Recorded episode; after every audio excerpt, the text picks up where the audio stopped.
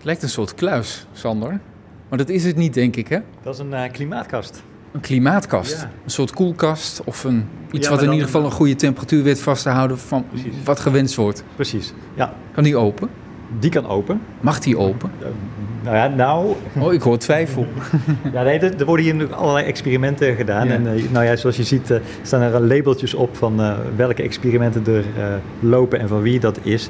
Dus ik wil eigenlijk liever niet interfereren met, met andermans werk. Er staat misschien een experiment wat, wat loopt. Dus. Ja. En zitten daar dan waarschijnlijk muggen in? Of kunnen dat ook heel andere beesten zijn? Nee, dat, dat kunnen allerlei andere insecten zijn. Hè. We doen hier natuurlijk onderzoek met, met muggen, dat, dat doen wij. Maar er zijn heel veel collega's die allerlei soorten insecten werken. Sluipwespjes, vlinders, krekels, ja, je noemt maar op. Van alles.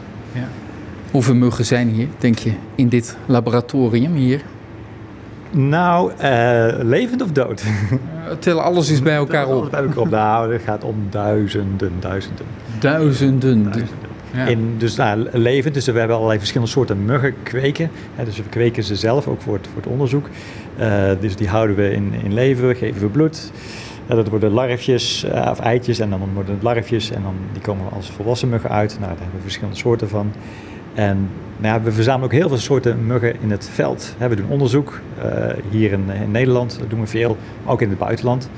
En eh, nou, daar komen allerlei monsters komen uit het veld met buisjes, met tientallen, eh, honderden muggen soms van bepaalde nachten. Dus ja, en die worden hier allemaal weer dan in de vriezers opgeslagen om later dan weer te bekijken van ja, welke soort is het precies. Eh, in Afrika kijken we bijvoorbeeld of ze malaria-parasieten bij zich eh, dragen. Al dat soort dingen. Ja. Ik ben hier eigenlijk door mijn dochters naartoe gestuurd. Die zeiden, ga nou eens vragen wanneer het minder wordt met die muggen. Die worden zo geprikt of gebeten de hele tijd door die muggen. Wanneer wordt het minder? Nou, het lijkt erop dat het al minder is. Echt waar? Ja, ja, we hebben eens even in onze data gekeken. De, de piek in de muggen, als we, gebaseerd op onze eigen vangsten, lijkt wel ergens begin augustus te zijn geweest. Maar ik moet ook zeggen, ik hoor het ook meer, hè, dat er meer mensen, net als je, je dochters zijn, die klagen. eh, die zeggen van nou, ik heb dit- dit jaar toch echt wel meer muggen dan, dan voorheen. Dus ook al zijn het er minder, kunnen het nog steeds relatief veel zijn. Dus ja, je kan er nog steeds overlast eh, van ervaren. Ja, wat, wat voor muggenjaar... Oh, de klimaatkast wordt even stil. wat voor muggenjaar hebben we? Zijn de, ja, want we hebben een vochtig jaar gehad. Dus dat doet ook iets, denk ik, met de hoeveelheid muggen. Ja, nou ja, muggen hebben inderdaad water nodig, omdat ze daar hun eitjes op afzetten. Dus je zou kunnen zeggen, hoe meer geschikt water er beschikbaar is, ja, hoe meer eh, geschikte plekken er zijn om, voor, die, voor die nakomelingen om, ze, om te groeien en om uiteindelijk weer volwassen muggen te worden. Nou, de huissteekmug is de meest algemene soort mug in Nederland. En die kan haar eitjes leggen in allerlei kleine stilstaande bakjes met water, emmertjes, eh, gieters, regentonnen of eh, bijvoorbeeld een zwembadje wat een beetje in een hoekje staat, wat nog wat water in staat. Dat zijn nou typisch plekjes waar die muggen eitjes in leggen.